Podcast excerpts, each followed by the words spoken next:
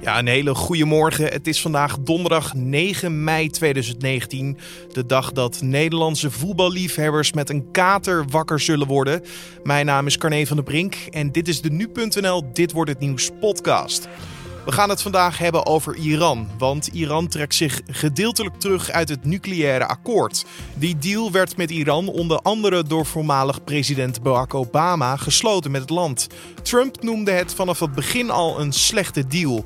Maar wat hij dan wel graag zou willen, is niet geheel duidelijk. Ja, om heel eerlijk te zijn heb ik het idee dat eh, de VS ook helemaal niet zit te wachten op nieuwe onderhandelingen. Sico van der Meer van het instituut Klingendaal hoorde je. Straks gaan we verder met hem praten, maar eerst kijken we naar het belangrijkste nieuws van nu.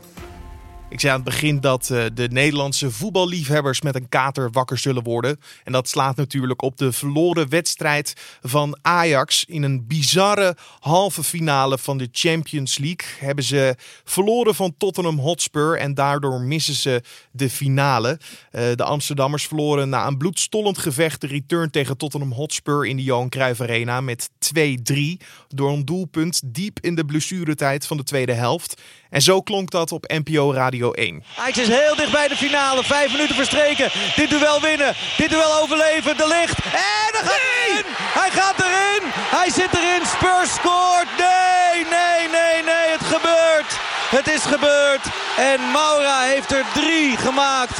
En Tottenham gaat naar de finale van de Champions League. In de allerlaatste seconde storten alle Ajaxiden ter aarde. En wordt er feest gevierd door de spelers van Spurs. Het is een nachtmerrie. Het is een absolute nachtmerrie. De focus ligt voor de Amsterdammers nu op het behalen van de landstitel. Daarvoor moeten ze nog winnen van FC Utrecht en de Graafschap. Maar dat wordt ook nog spannend omdat ze hetzelfde aantal punten hebben als PSV. Op 1 juni vindt de finale van de Champions League plaats tussen Tottenham Hotspur en Liverpool. We blijven nog heel even in Amsterdam, want tijdens de halve finale van de Champions League en na de uitschakeling van Ajax was het op diverse plekken in Amsterdam onrustig. De politie verrichtte in totaal gedurende de avond zo'n 30 aanhoudingen. De mobiele eenheid kwam onder meer in actie bij ingang Zuid-H van de Johan Cruijff Arena. Daar probeerden Ajax-supporters via een toegangsdeur het stadion binnen te dringen. En volgens het parool werd een bezoeker van een café in de Ferdinand Bolstraat door andere bezoekers knock-out geslagen toen hij juichte voor een doelpunt van Tottenham Hotspur. Drie Ajax-fans gaven de man meerdere klappen op zijn hoofd en de daders zijn gevlucht. Over het algemeen verliep de avond in Amsterdam tamelijk rustig. Veel fans van Ajax gingen vrij snel na het slotsignaal naar huis toe. Een groep fans van Tottenham Hotspur bleef wel feest vieren. De politie heeft woensdagavond de 27-jarige Thijs H. uit Den Haag opgepakt.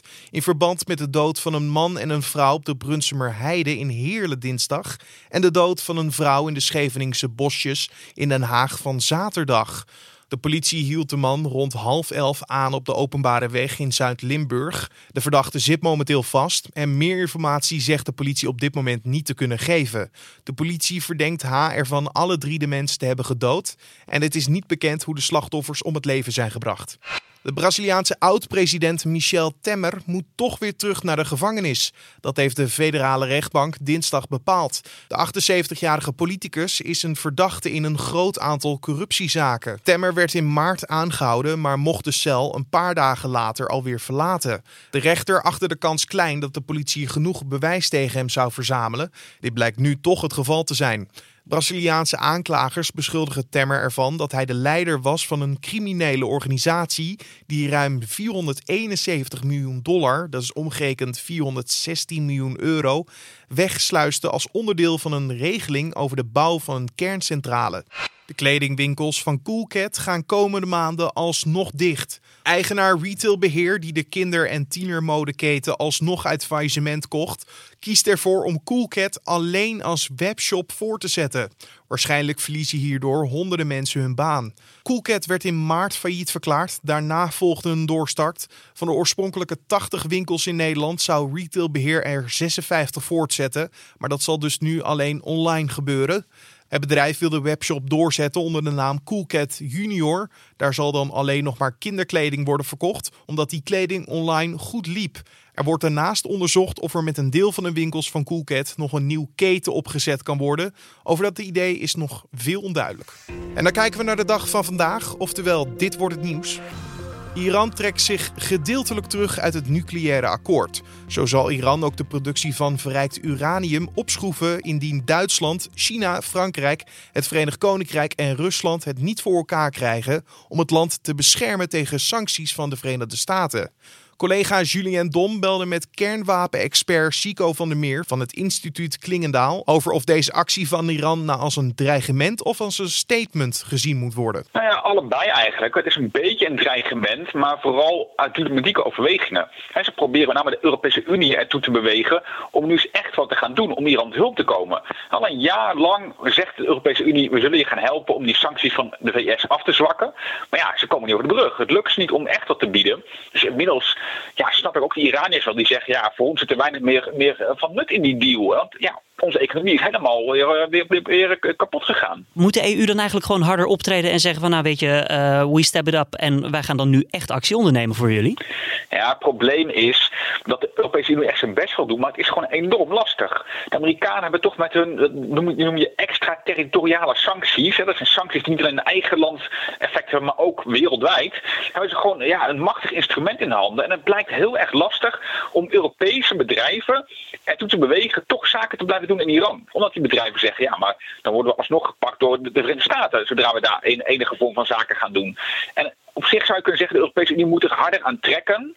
Maar um, ik denk ook dat het een beetje een, onmogelijke zaak is. Het is wel heel lastig om te vechten tegen die Amerikaanse financiële macht in de wereld eigenlijk. De VS heeft dus eigenlijk Iran in een soort ja, onevenwichtige houtgreep vast. Ja, inderdaad. De VS is toch echt de enige echte grootmacht in de wereld, ook financieel. En ja, die gebruiken een instrument, hè, die, die, die, die financiële sancties, die iedereen treft die in Iran zaken doet. Ja, het is heel lastig om daar tegen te vechten. En ja, je zou kunnen zeggen, het is een soort, soort chantage eigenlijk. Hè, want de VS doet het als enige. De rest van de Verenigde Naties bijvoorbeeld doet niet mee. Hè. De andere landen uit de nucleaire deal met Iran doen niet mee. Maar ja, toch zie je dat die nu eigenlijk mank zijn, doordat de VS er zo dwars zitten. Ja, die deal die werd eerder gesloten door Trumps voorganger, Obama. Uh, Trump die zei zelf altijd dat hij het een slechte deal vond. wat wil Trump dan graag zien voor deal? Dat is nog een beetje de vraag. Um, hij is in ieder geval tegen deze deal, dat is duidelijk. En wat hij precies wil hiervoor terug is niet helemaal bekend. Maar het zit er wel een beetje in dat hij een bredere deal wil. He, deze deal gaat alleen maar over de kernwapens die Iran mogelijk zou kunnen produceren. Dat kan niet meer. Maar Trump zegt, ja, maar dat is niet genoeg. He. De Iraniërs zijn gewoon slecht. Ja. Dus ik wil ook bijvoorbeeld een raketontwikkeling erin hebben. Ik wil ook hun uh, militair bemoeienis met de regio. He. In Irak, in Syrië en dergelijke wil ik erbij hebben. Uh, mensenrechten erbij. Ja, hoe breder, hoe, hoe, hoe beter. Um, ja, je zou kunnen zeggen, natuurlijk, hè, het Iraanse regime is niet het meest vriendelijke regime ooit. Maar zo'n hele brede deal waarbij je over, alle verschillende aspecten overeenkomst gaat, krijgen. Dat is bijna onmogelijk volgens mij. Dus in die zin is juist het opknippen van al die problemen in kleine stukjes een goed idee. En ja, dat is dus helaas uh, met deze nucleaire deal uh, ja, een beetje misgegaan nu Trump daar uitgestapt. Maar sowieso, Iran en de VS zitten op het moment niet echt uh, ja, als broederliefde met elkaar uh, op één bank. De, de, VS heeft bijvoorbeeld ook de vloot richting de Perzische Golf gestuurd. Ja, om heel eerlijk te zijn heb ik het idee dat uh, de VS ook helemaal niet zit te wachten op nieuwe onderhandelingen. En zeker sinds John Bolton is toegetreden tot het Witte Huis als veiligheidsadviseur, denk ik dat de VS gewoon op ramkoers zitten met Iran. Bolton is al jarenlang bezig met ideeën over regime change, zoals hij het noemt. Hè? Dus een verandering van het, van het bewind in Iran. Dan, uh, eigenlijk is de VS dus daar gewoon op uit. Ja, kijk, officieel niet. Hè. Officieel zegt Trump ook, hè, we moeten gewoon opnieuw gaan onderhandelen met Iran. Hè, om al die andere aspecten waarmee ze slecht bezig zijn ook in zo'n zo'n overeenkomst te krijgen. Maar onofficieel lijkt het wel heel erg alsof de VS ja, op weg zijn naar een conflict met Iran. Kan Rusland of China hier iets tegen doen? Ik bedoel, economisch gezien zijn ze dus niet even groot als uh, ja, de macht die de VS in handen heeft. Maar kunnen ze iets anders doen om ja, Iran te helpen? Niet heel makkelijk, eerlijk gezegd. Ze doen al wel een beetje economisch. Eh, zij zijn toevallig, China en Rusland zijn landen die minder economische contacten met de VS hebben. En daardoor sommige bedrijven toch uh, zaken kunnen laten doen in Iran. Ondanks de Amerikaanse sancties. Veel verder komen ze economisch niet. Je zou natuurlijk nog kunnen zeggen dat ze Iran militair gaan steunen, bijvoorbeeld. Een bondgenootschap vormen waardoor Iran ja, militair zich wat, wat veiliger voelt. Waardoor ze bijvoorbeeld geen kernwapens zouden nodig hebben of andere wapenopbouw. Maar waar uh, China en ook Rusland niet. Ze zitten allemaal niet te wachten op Iran als bondgenoot. Het is geen hele goede vriend van ze. Is misschien wel een beetje het probleem van Iran. Iran heeft gewoon geen hele hechte vrienden in de wereld. Gaan we er in Nederland nog iets van voelen op korte termijn? Nou, niet meteen. Maar stel dat de boel verder gaat escaleren, ja, dan gaan we dat zeker merken. Stel dat er inderdaad een militair conflict tussen de Verenigde Staten en uh, Iran gaat uitbreken. Dat zal wereldwijde gevolgen hebben, ook voor de olieproductie en dergelijke. Het is natuurlijk een belangrijke uh, regio, het Midden-Oosten, die overigens al half in brand staat. Hè. Dus als er nog een extra brand bij komt, ja, dan krijg je alleen maar meer problemen, hè. ook in vluchtelingen en dergelijke. Um, maar ook, ook als het militaire conflict niet meteen komt, dat instorten van die nucleaire deal is gewoon niet goed voor de internationale stabiliteit en veiligheid. Dat geeft aan dat diplomatie blijkbaar niet het mooie middel is dat wij altijd denken, het vreedzame middel. Want ja, een nucleaire deal die na veel moeite gesloten is, valt dan toch weer om. En Iran zou toch alsnog kernwapens kunnen gaan bouwen bijvoorbeeld. Maar vooral ook hè, die diplomatie uh, het geeft aan dat ook andere problemen moeilijker opgelost kunnen gaan worden door onderhandelen. Omdat heel veel landen in de toekomst zullen gaan zeggen: ja, ja, we kunnen wel gaan onderhandelen, maar we zagen hoe het met Iran afliep. Als, als je het even uh, niet door hebt, dan trekt Amerika meteen de stekker er weer uit. Dus dat, die, die precedentwerking, zal ik maar zeggen, dat is wel echt schadelijk voor de internationale betrekkingen. De betrouwbaarheid van de Verenigde Staten staat dus ook op het spel. Nou, we blijven het natuurlijk volgen op nu.nl voor je. En je hoorde Chico van der Meer van het instituut Klingendaal in gesprek met Julien Dom. En verder vandaag zullen de gymzalen door het hele land weer twee weken lang gevuld zijn door zenuwachtige examenkandidaten. Dit natuurlijk allemaal voor de centrale examens. In totaal nemen 217.285 scholieren deel aan de examens. HAVO-leerlingen beginnen vandaag tussen 9 uur en half 12 met het eindexamen filosofie, terwijl VWO-leerlingen het examen Grieks krijgen voorgeschoteld. En in Den Haag is vandaag de kick-off van de Invictus Games. Dat is een internationaal sportevenement voor lichamelijke en psychische gewonde militairen. Prinses Margriet en de Britse prins Harry zijn vandaag aanwezig bij de kick-off. Prinses Margriet is benoemd tot erevoorzitter van het comité van aanbeveling van de Invictus Games Den Haag 2020. Verder zal ook burgemeester Paulien Krikke van Den Haag aanwezig zijn. En afsluitend zal architectenbureau OMA vanavond in de Kuip een presentatie over het ontwerp van het nieuwe Feyenoordstadion geven.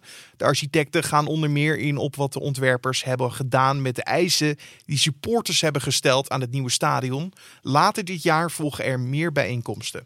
En dan nog even het weer. Het wordt vandaag wisselvallend bewolkt. In de ochtend is het overwegend droog met ruimte voor de zon. De dag start met een mix van wolken en zon. In de loop van de ochtend ontstaan er steeds meer stapelwolken. En aan het einde van de ochtend kan er in het zuiden al een stapelwolk uitgroeien tot een bui. In de middag zijn er buien met lokaal onweer en het wordt circa 15 graden. En afsluitend, we gaan het hebben over zangeres Rita Ora, bekend van dit nummer.